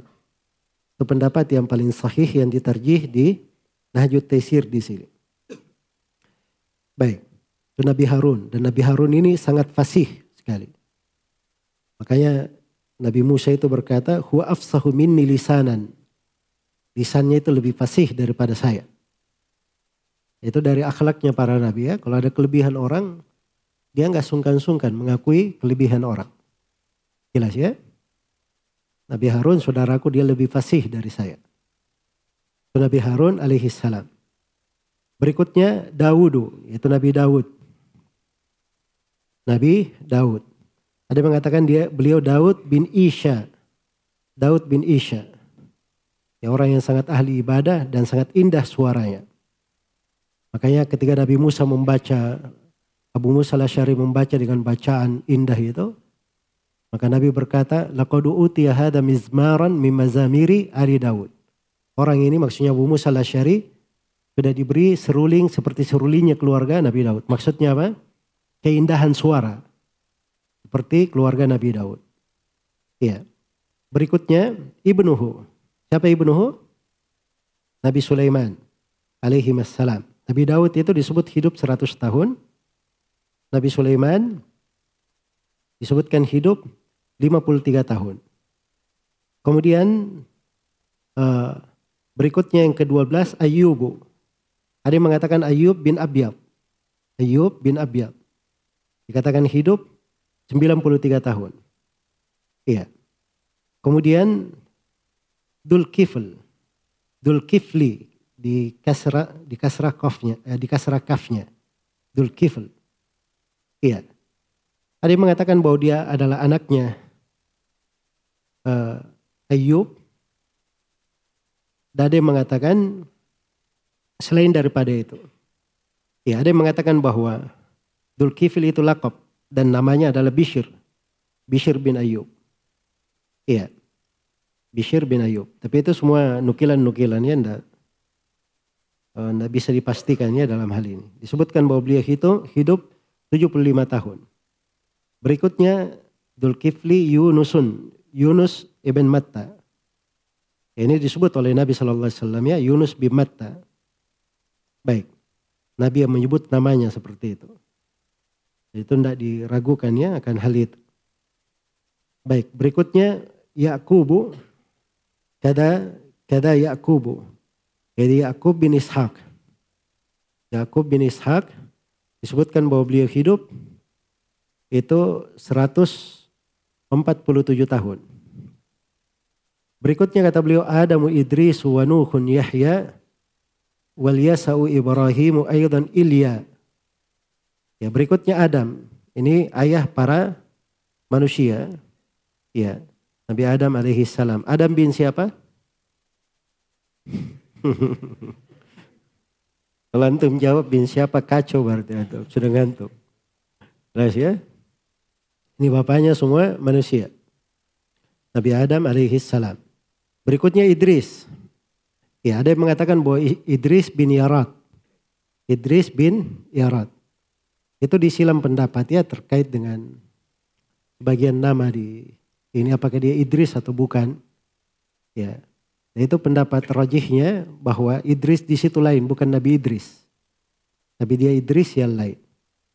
Itu dari sudut keturunan ke, kepada Nabi Adam alaihissalam. Dikatakan bahwa beliau hidup itu 350 tahun. Iya. 350 tahun. Kemudian berikutnya adalah Nuh. Adamu Idris wa Nuh. Iya. Nabi Nuh alaihi salam. Nabi Nuh alaihi salam ibnu Lamak. Ada yang mengatakan lamak begitu, ada yang dipanjangkan lamak. Dan itu yang didobat oleh siapa? Al-Iraqi rahimahullah. Al-Iraqi mengatakan Ibnu Lamak. Ya, di Alfianya. Ya, Nuh, Ibn Lamak, Ibn Mattasyulakha, terus Ibn apa namanya? Khanuh, Ibn Yar, Ibn Mahlil, ha? Ibn Kainan, Ibn Yanash, Ibn Syid, Ibn Adam. Itu ditarjihnya Ali Raki. Yang sebelumnya disebut oleh Ibnu Ishaq dalam As-Sirah dan Ibnu Abdul Bar. Baik. Berikutnya Yahya. Ini yang keberapa ini? Yang ke-19. Ya, Nabi Yahya alaihi salam. Yahya bin siapa? Hmm? Yahya bin Zakaria, ya Zakaria, inna nubashiruka bi gulamin ismuhu Yahya. Yahya bin Zakaria alaihi wassalam. Baik.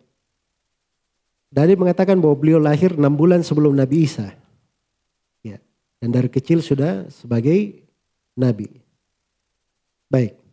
Dan dimaklumi ya bahwa Nabi Yahya itu itu terbunuh radhiyallahu uh, terbunuh ya sama dengan ayahnya Nabi Zakaria. Itu mati, meninggal terbunuh. Dan itu ada kisahnya dalam hadis yang sahih. Kemudian berikutnya wal yasa. Ya. Wal yasa. Jadi ada kiraat al uh, apa namanya? Wal. Ya. Ada yang membaca begitu. Dan ada yang membaca al al-laisa, al-laisa.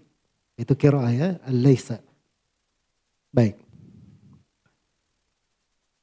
Aliasa bin Jubair. Aliasa bin Jubair. Ya begitu disebutkan ya. Berikutnya adalah Ibrahim. Ini Nabi Ibrahim alaihissalam. Bapaknya para nabi. Ya. Bapak orang-orang yang bertauhid. Ibrahim. Ibrahim bin Azar. Ada yang mengatakan Azar itu lakop dan namanya yang benar Tarah. Namanya Tarah. Ya, tapi itu sulit juga ya karena dalam Al-Quran dikatakan wa qala Ibrahim li abihi Azar. Jadi banyak yang mengatakan bahwa lebih dekatnya namanya itu Azar. Ya. Ibrahim bin Tarah atau Azar. Terus uh, bin Nahur, bin Saruh, bin Ar'u, bin Falakh, bin Aibar bin Shalah bin Arfakhshad bin Sam bin Nuh. Nah, sisa Nuh tadi antum sambung ya itu ditarjih tiga imam tadi itu Muhammad uh, apa namanya Ibnu Ishaq dalam Asyira, Ibnu Abdul Bar dan Ali Raqi. Itu ada silam pendapat ya tentang nama itu. Kalau antum ini periksa banyak sekali silam pendapat. Malah ada yang menyebutkan panjang. Ya. Ada yang menyebutkan panjang. Baik. Kemudian berikutnya Ilya. Ilya itu siapa maksudnya? Nabi Ilyas. Dan ini ditarhim ya karena mengikuti darurat syair. Ya, dan dikatakan juga Ilyasin. Itu Nabi Ilyas alaihi salam. Ya. Nabi Ilyas ada yang mengatakan Ilyasin. Iya. Kemudian dikatakan di sini berikutnya kata beliau Zakaria wa Zakaria aydan Ismailu wa jaa fi Muhammadin takmilu. Berikutnya Nabi Zakaria. Ya, Nabi Zakaria ini dari keturunan Nabi Daud alaihi salam. Ya. Nabi Daud alaihi salam.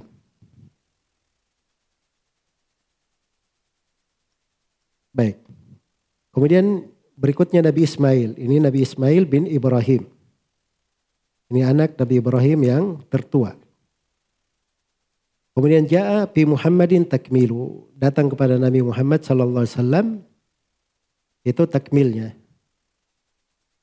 Kesempurnaannya. Maksudnya dari uh, di sini ini nama yang ke-25 dari penyebutan nama para nabi dan para rasul dalam Al-Qur'an. Setelah itu Kata beliau, ini selesai ya dari nama para nabi. Setelah itu diterangkan nama yang ke-26. Harutu, Marutu, Wajabarailu, Qaidun Sijillu, Mikailu. Iya. Ini enam nama ya dalam satu bait. Iya, kalau penulis seakan-akan merangkainya semuanya nama malaikat. Jadi Harut, Marut. Ya, Harut dan Marut itu dua malaikat ya, menurut salah satu pendapat. Yang diturunkan oleh Allah Subhanahu wa taala sebagai fitnah untuk manusia. Sebagai ujian. Baik. Kemudian yang ke itu sudah yang ke berapa itu? 26 dan 27. Yang ke 28 Jibrailu. Itu salah satu kira ya dan bahasa. Yang paling populernya kan Jibril. Kita yang kita baca di bahasa kita ya, di bacaan kita Jibril. Tapi bisa dibaca Jibrail. Seperti yang disebut oleh penulis. Iya. Berikutnya Qaidun. Qaidun di sini disebut oleh penulis nama malaikat. Nama malaikat. Dan ini uh, Ada pendapat lain bahwa itu bukan nama malaikat. Tapi itu adalah sifat. Ya. Itu sifat sifatnya, bukan nama malaikatnya, tapi itu adalah sifat. Jelas ya? Baik. Nah, itu pendapat yang lebih kuat. Oh, itu bukan nama malaikat, tapi itu sifat. Berikutnya, yang keberapa sekarang? Ke-30. As-sijillu. Ini sijillu. Ada yang mengatakan bahwa itu nama malaikat juga. Nama malaikat yang diwakilkan untuk lembaran-lembaran catatan. Tapi pendapat yang lebih kuat bahwa as-sijil itu bukan nama malaikat. Iya. Itu bukan nama malaikat. Karena tidak syah riwayat ya terkait dengan hal tersebut. Ya, yang dipilih oleh apa namanya uh, Ibnu Abbas, Mujahid, Qatada dan itu dikuatkan oleh muhakkikin Ibnu Jarir, Ibnu Hajar bahwa pada ayat itu yaumanatwis sama katayi sijil lilil kutub itu as-sijil artinya sahifa. Ya, sahifa yang dilipat. Lembar yang digulung. Jelas ya? Itu as-sijil namanya. Baik. Jadi itu bukan nama malaikat. Berikutnya Mikailu. Berikutnya Mikail. Ini Mikail dari nama malaikat benar ya? Dari nama malaikat. Bahkan salah satu dari pemuka para malaikat. Disebutkan bahwa Mikail ini alaihi salam itu diwakilkan terhadap apa? Eh, hujan-hujan. Uh, Dan di sini ada nama malaikat satu, belum nama malaikat lain, belum disebut oleh penulis di sini. Ada yang tahu? Wanadau ya maliku. Itu malaikat malik, penjaga neraka. Dan disebutkan oleh penulis. Itu luput ya bagi beliau. Baik, berikutnya nama yang ke-32. Kata beliau Luqmanu tubbaun kada talutu iblisu qarunu kada jalutu. Nah berikutnya Luqman. Ya. Luqman ini ada yang mengatakan dia nabi, ada yang mengatakan dia orang salih. Dan itu yang dikuatkan oleh Ibnu Abbas bahwa beliau adalah seorang hamba salih. Dia budak Habasyi, ahli uh, pandai tukang kayu. Ya Tubba ada yang mengatakan dia nabi, ada yang mengatakan dia orang salih. Tapi yang paling uh, banyak dikuatkan dia ini orang salih. Dikatakan tuba karena banyaknya pengikutnya. Karena banyaknya pengikutnya. Talut, ini Talut nama seorang salih yang jadi raja di Bani Israel. Talut yang memerangi Jalut yang akan datang nanti. Jelas ya? Baik. Kemudian berikutnya Iblisu. Nah, ada yang tidak kenal iblis? Ini iblis La'anahullah. Ya. Dan iblis dulu ini dikatakan namanya Azazil. Azazil. Ya. Kata iblis itu sebenarnya dari kata ablasahu. Ablas itu artinya dijauhkan dari kebaikan. Yang disebut iblis karena memang dia dijauhkan dari kebaikan. Dia putus asa dari kebaikan. Iblis. Nasallallahu Berikutnya kada jalutu. Uh, Qarunu kada jalutu. Qarun ini dikatakan Qarun bin Yashar. Dia itu anak paman Nabi Musa alaihissalam, sepupunya Nabi Musa. Dan dia kafir ya, dimaklumi, Qarun. Kemudian berikutnya Qarun yang diberi harta banyak itu ya, kalau ada yang gali-gali dapat barang di Indonesia disebut harta karun. Nah, ini dia orangnya Qarun. Baik. Berikutnya uh, Jalut. Ya Jalut ini ini Jalut uh, orang kafir juga ya yang diperangi di masa Nabi Daud alaihissalam diperangi oleh Talut. Berikutnya wa Maryamun Imranu ay abuha. Aidan kadaka Harunu ay akhuha. Ya. Maryam itu Maryam bintu Imran. Kan begitu.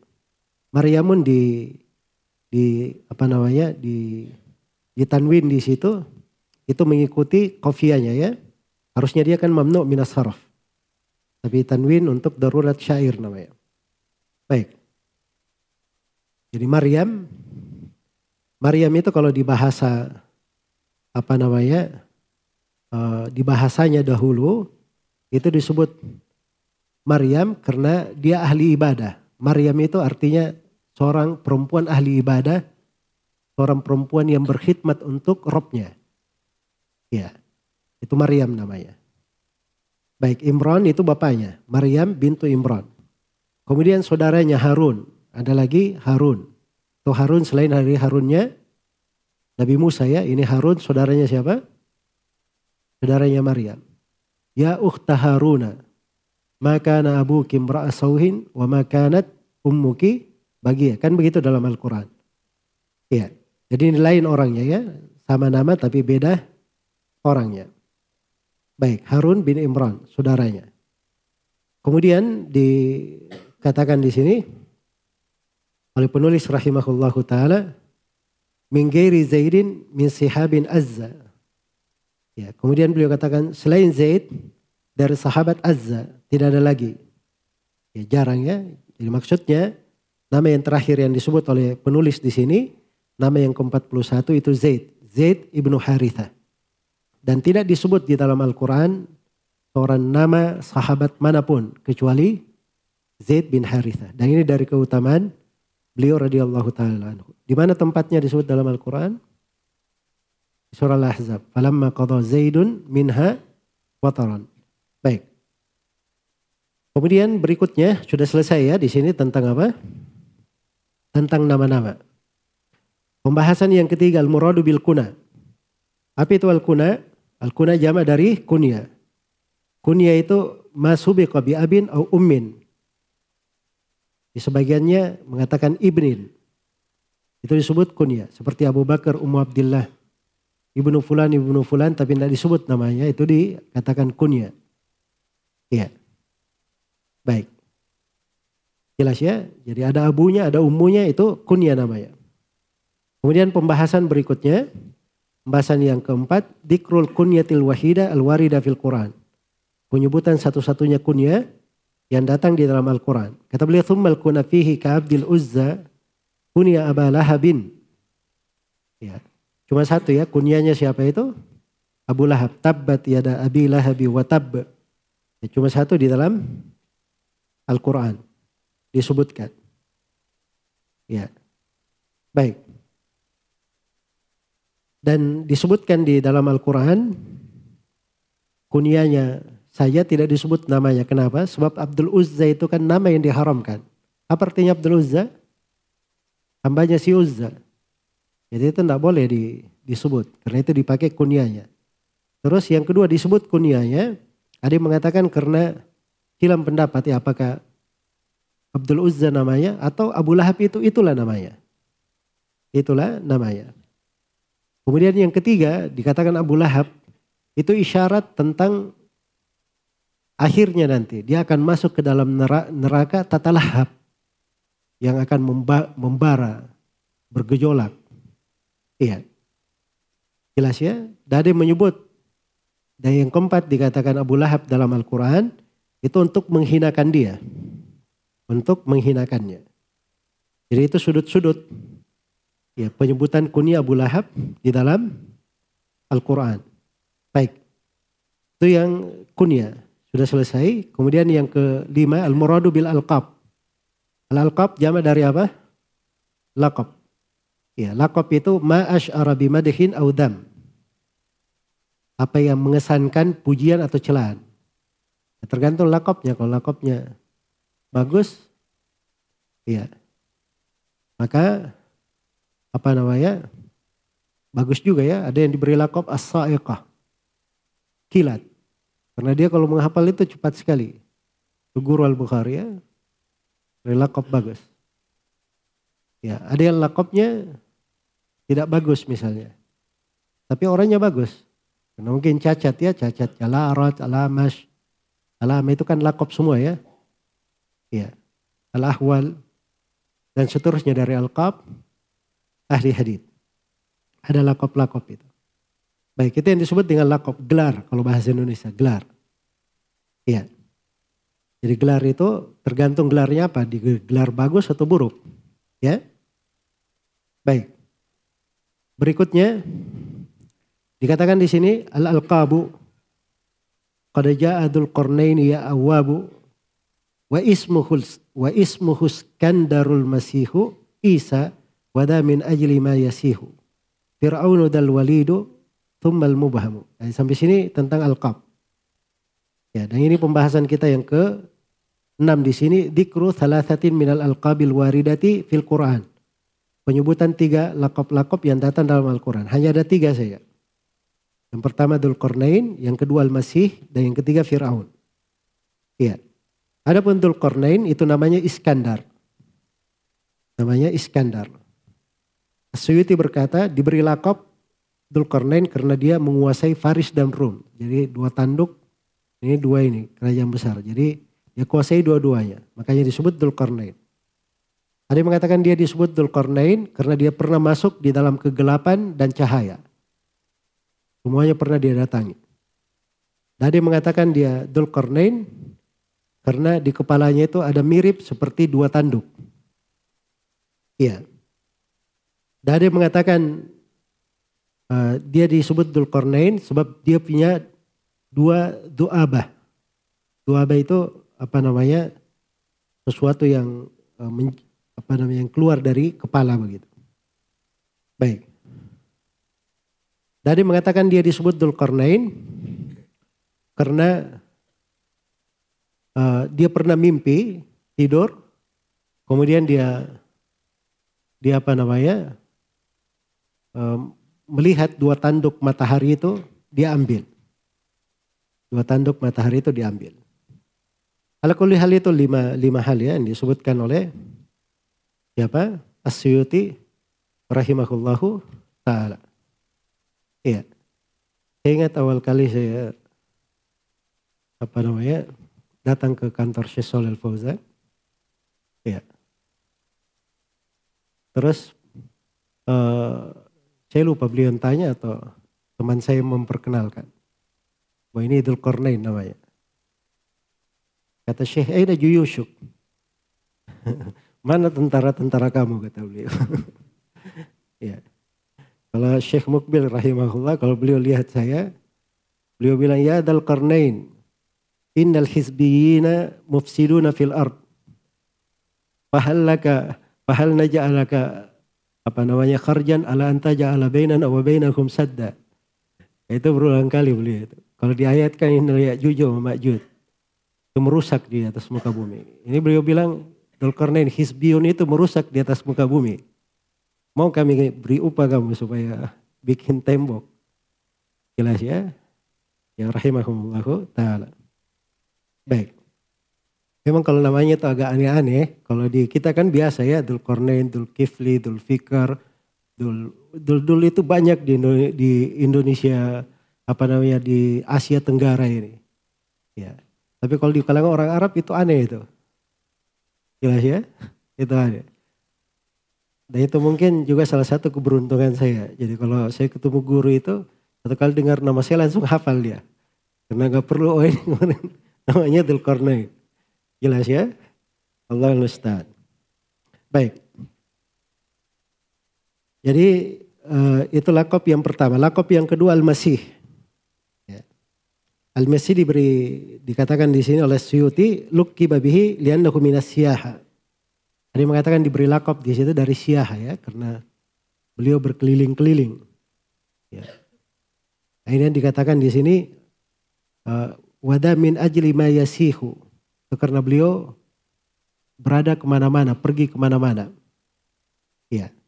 Dan siyaha itu kadang di Al-Quran ditafsirkan puasa ya dan kadang ditafsirkan perjalanan kepada Allah Subhanahu wa taala. Baik. Berikutnya lakop yang ketiga Firaun. Kata beliau Firaunu dal walidu. Nah, Firaun itu yang di dalam Al-Qur'an itu namanya Walid Al-Walid bin Mus'ab. Al-Walid bin siapa? Bin Mus'ab. Jadi Firaun itu itu nama semua yang memimpin Mesir itu disebut apa? Semua menjadi raja Mesir disebut Firaun. Firaun yang di masa Nabi Musa itu namanya Al-Walid bin bin Mus'ab. Itu yang populernya. Selesai pembahasan tentang apa? Tentang al-alqab. Berikutnya yang ketujuh al-muradu bil mubahamat. Ya, yang dimaksud dengan al-mubahamat. Al-mubahamat jama dari apa? Mubaham. Mubaham itu madalla ala musamma geri muayyan. Apa yang menunjukkan tentang nama yang tidak ditentukan, belum tentu siapa dia. Rojul, seorang lelaki. Itu nama, laki-laki itu kan nama. Jelas ya, tapi yang mana laki-laki yang mana? Itu tidak kelihatan. Itu disebut mubaham. Disebut mubaham. Kata beliau, thummal mubahamu. Nah, ini pembahasan yang ke-8 ya, dan yang terakhir. Dikru asyaratin, itu dua kali dikirnya dihapus satu. Dikru asyaratin minal mubahamati al-waridati fil Quran. Penyebutan 10 uh, mubaham. Ini salah juga di terjemahannya itu. Hapus lagi-lagi itu ya penyebutan 10 al-mubahamat yang disebut di dalam Al-Quran. Baik. Disebut di situ ada 10 ya.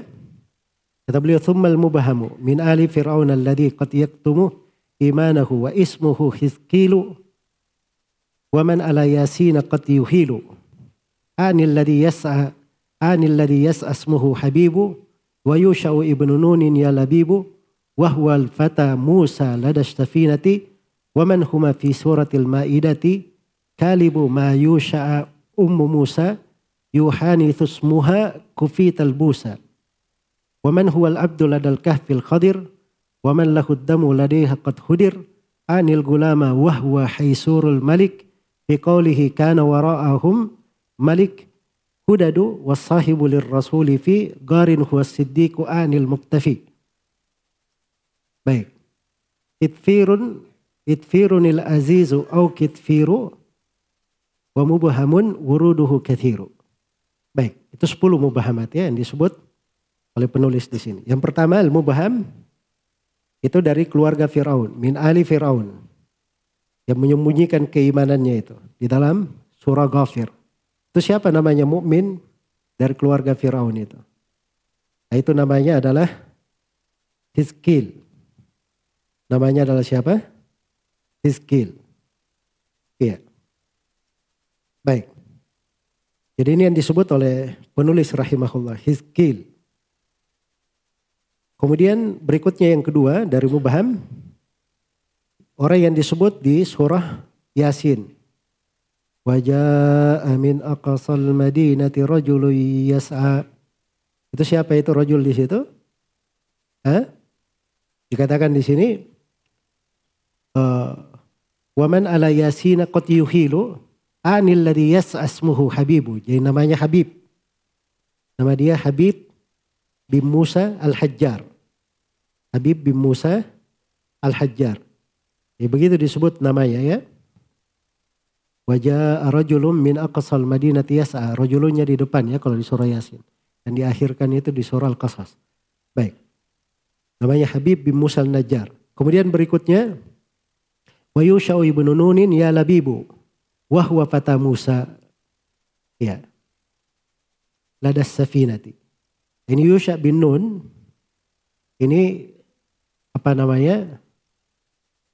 Ya labibu. Wahai suara ya labib. Nah, labib itu artinya dia akalnya selalu hadir ya. Pandai dia menggunakan akalnya. Itu labib namanya. Baik. Nah ini dari kata-kata motivasi lagi ya dari penulis rahimahullah. Yusha bin Nun itu itu fatawa qala Musa li fatahu la abrahul ardu itu la abrahul ard itu maksudnya Yusha bin Nun. Dan Yusha bin Nun ini alaihi salam itu menjadi nabi setelah Nabi Musa dan Nabi Harun.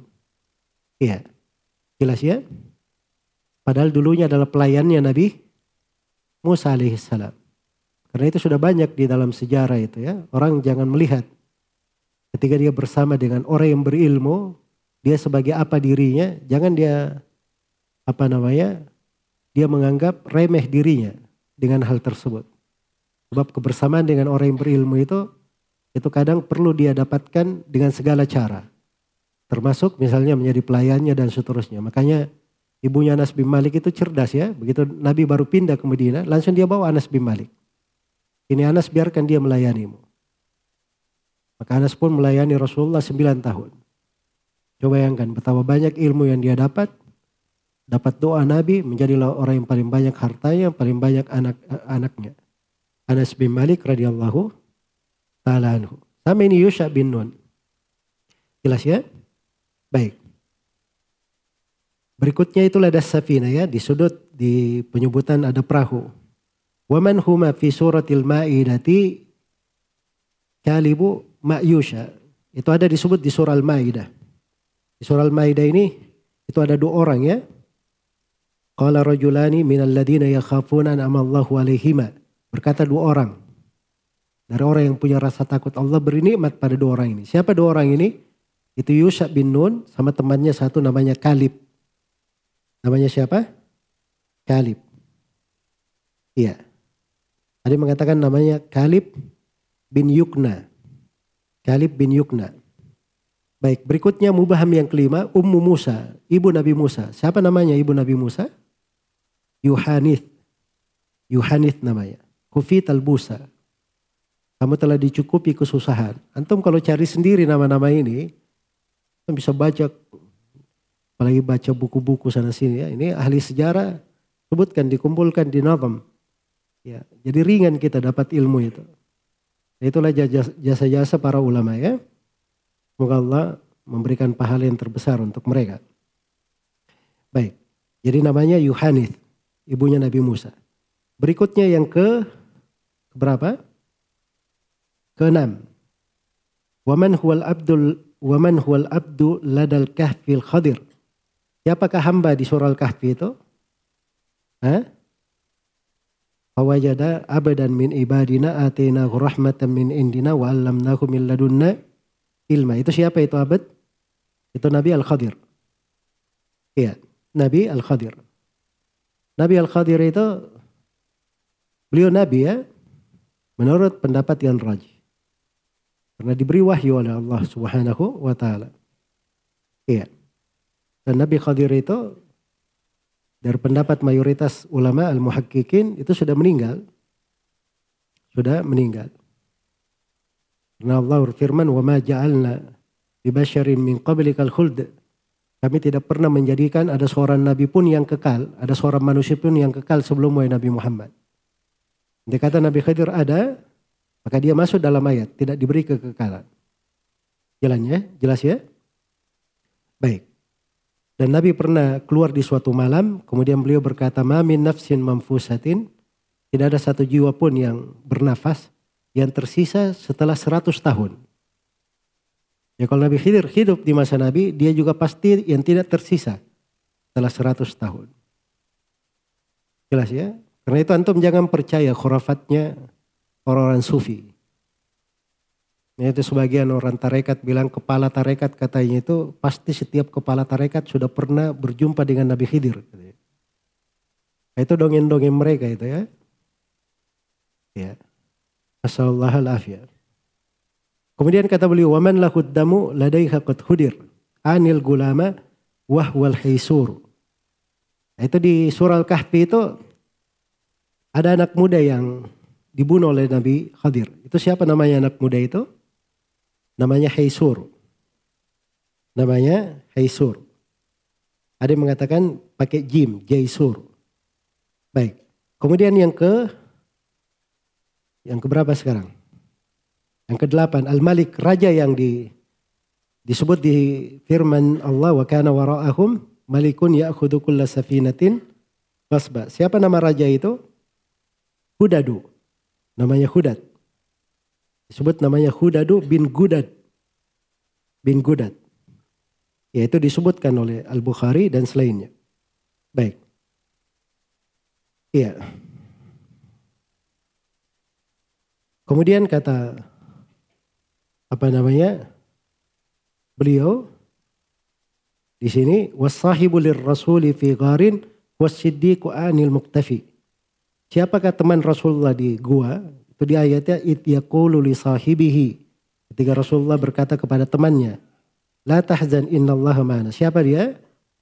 Itu jelas ya, Abu Bakar As-Siddiq radhiyallahu taala anhu. Ya. anil muktafi, orang yang selalu mengikuti Nabi sallallahu alaihi wasallam. Berikutnya itfirun al-azizu au kitfiru.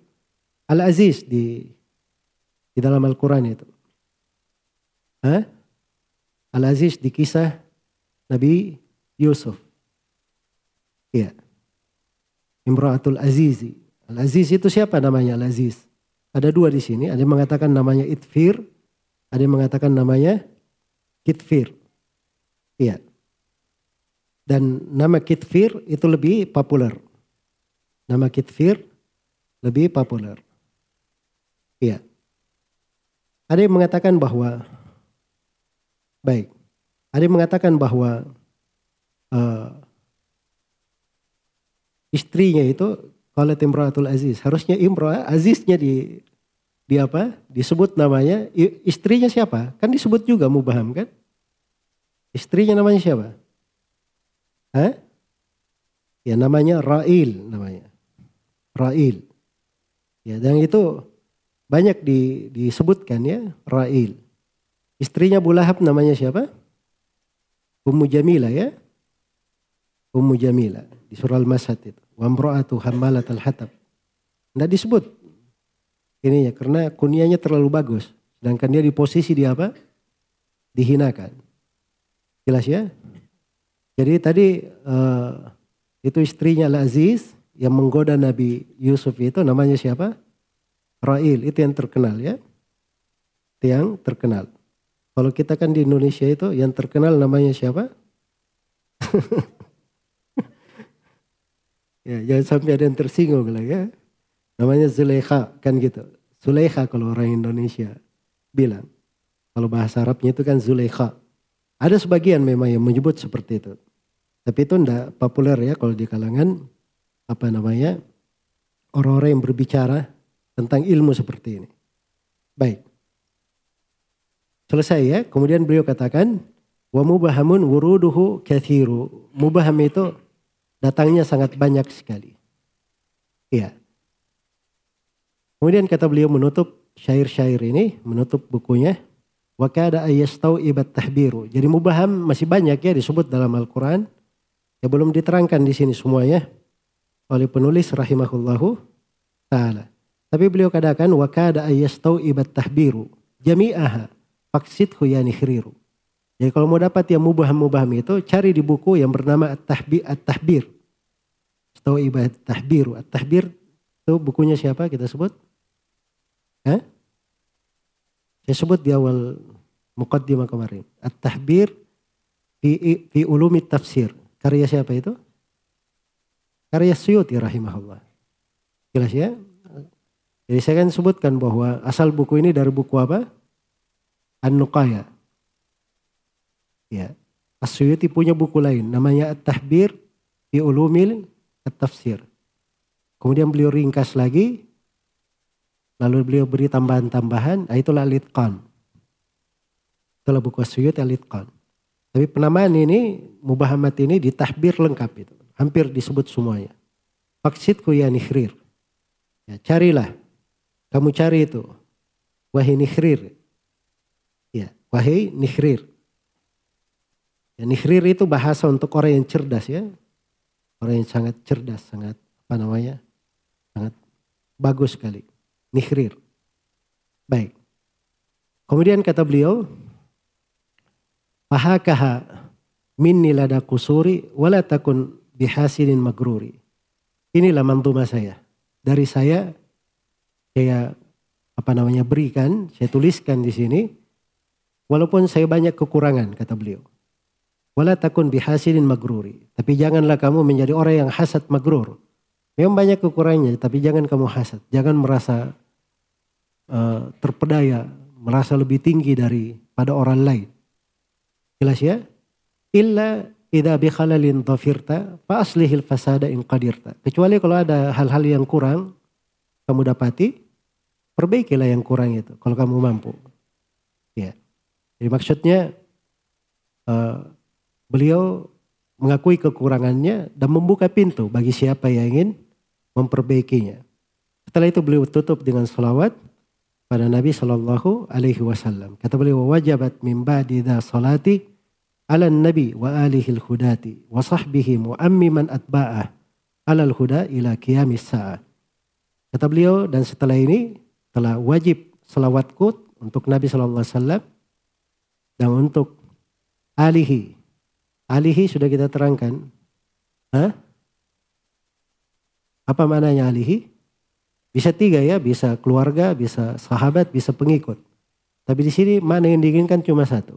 Cuman istri saya. Karena beliau sebutkan setelah itu sahabat dan pengikut.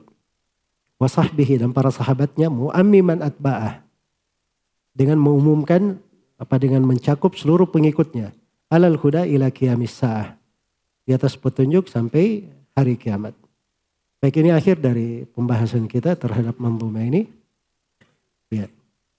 Mudah-mudahan bermanfaat untuk semuanya menjadi bekal yang baik di dalam membangun apa namanya nuansa ilmiah kita dan bermanfaat untuk kita di dunia dan di akhirat sebagai uh, pembuka dari kebaikan untuk berjalan di atas jalan para penuntut ilmu dan semoga Allah Subhanahu wa taala menguatkan kita semua di atas Islam dan sunnah di kehidupan dunia ini di sakaratul maut di alam kubur dan tatkala kita semua kembali kepadanya innahu waliyu dzalika wal qadiru alaih wallahu taala alam. Baik. Ini manzuma Az-Zamzamiyah karya Abdul Aziz Ibnu Ali Az-Zamzami rahimahullahu taala. Saya riwayatkan manzuma ini Manzuma Az-Zamzami fi Ulumil Quran itu dari sejumlah guru saya secara ijazah. Di antara mereka adalah Al-Musnid, Al-Allama, Abdullah bin Abdul Aziz ibn Akil Al-Hambali rahimahullah. Beliau meriwayatkannya dari Mihdar bin Ali Al-Habashi Al-Hadrami dan Alawiyah binti Abdurrahman Al-Habashi Al-Hadramiyah. Keduanya meriwayatkan dari Musnad Negeri Sam, dari Musnid Negeri Sam di masanya. Abu Nasr Muhammad bin Abdul Qadir Al-Khatib Al-Syafi Al-Dimashqi. Beliau meriwayatkan dari Umar Al-Adami Ad-Diyar Bakri di salah satu kota di Damaskus ya. Dan beliau meriwayatkan dari Muhammad Murtada Az-Zabidi. Ini penulis kitab Taji Arus, salah seorang pakar bahasa. Dari Al-Hasan Al-Qurani, dari Ibrahim Al-Qurani, dari Muhammad Al-Ghazzi, dari Asyams Muhammad bin Abdul Aziz bin Ali Az-Zamzami, putra beliau. Dan beliau meriwayatkan dari ayahnya Abdul Aziz Az-Zamzami, uh, Nadim, penulis kitab Manzuma Az-Zamzamiyah ini. Bagi teman-teman yang ingin meriwayatkan Manzuma ini dari saya, saya memberikan ijazah di dalam hal tersebut dengan syaratnya yang mu'tabar di kalangan ahli ijazah. Dan semoga Allah Subhanahu wa taala mengampuni segala kekurangan kita dan memberikan keberkahan untuk kita pada semua ilmu yang kita pelajari. Dan semoga Allah Subhanahu wa taala menjadikan apa yang kita pelajari itu sebagai hal yang selalu menambah petunjuk untuk kita semua. Keteguhan di atas Islam dan sunnah. Innahu waliyudzalika wal qadiru alaihi wallahu taala alam. Baik jadi mudah-mudahan di kesempatan lain kita sambung. Manduma tentang ulumul Quran itu masih ada manduma yang lain, masih ada buku-buku lain terkait dengan ulumul Quran. Nah ini ilmu dasar ya. Ini ilmu dasar. Mudah-mudahan bisa menjadi bekal yang baik untuk kita semua. Wallahu ta'ala alam. Subhanakallahumma wa bihamdik. Asyadu an la ilaha illa anta. Astaghfirullah wa atubu. Walhamdulillahi rabbil alamin. Wassalamualaikum warahmatullahi wabarakatuh.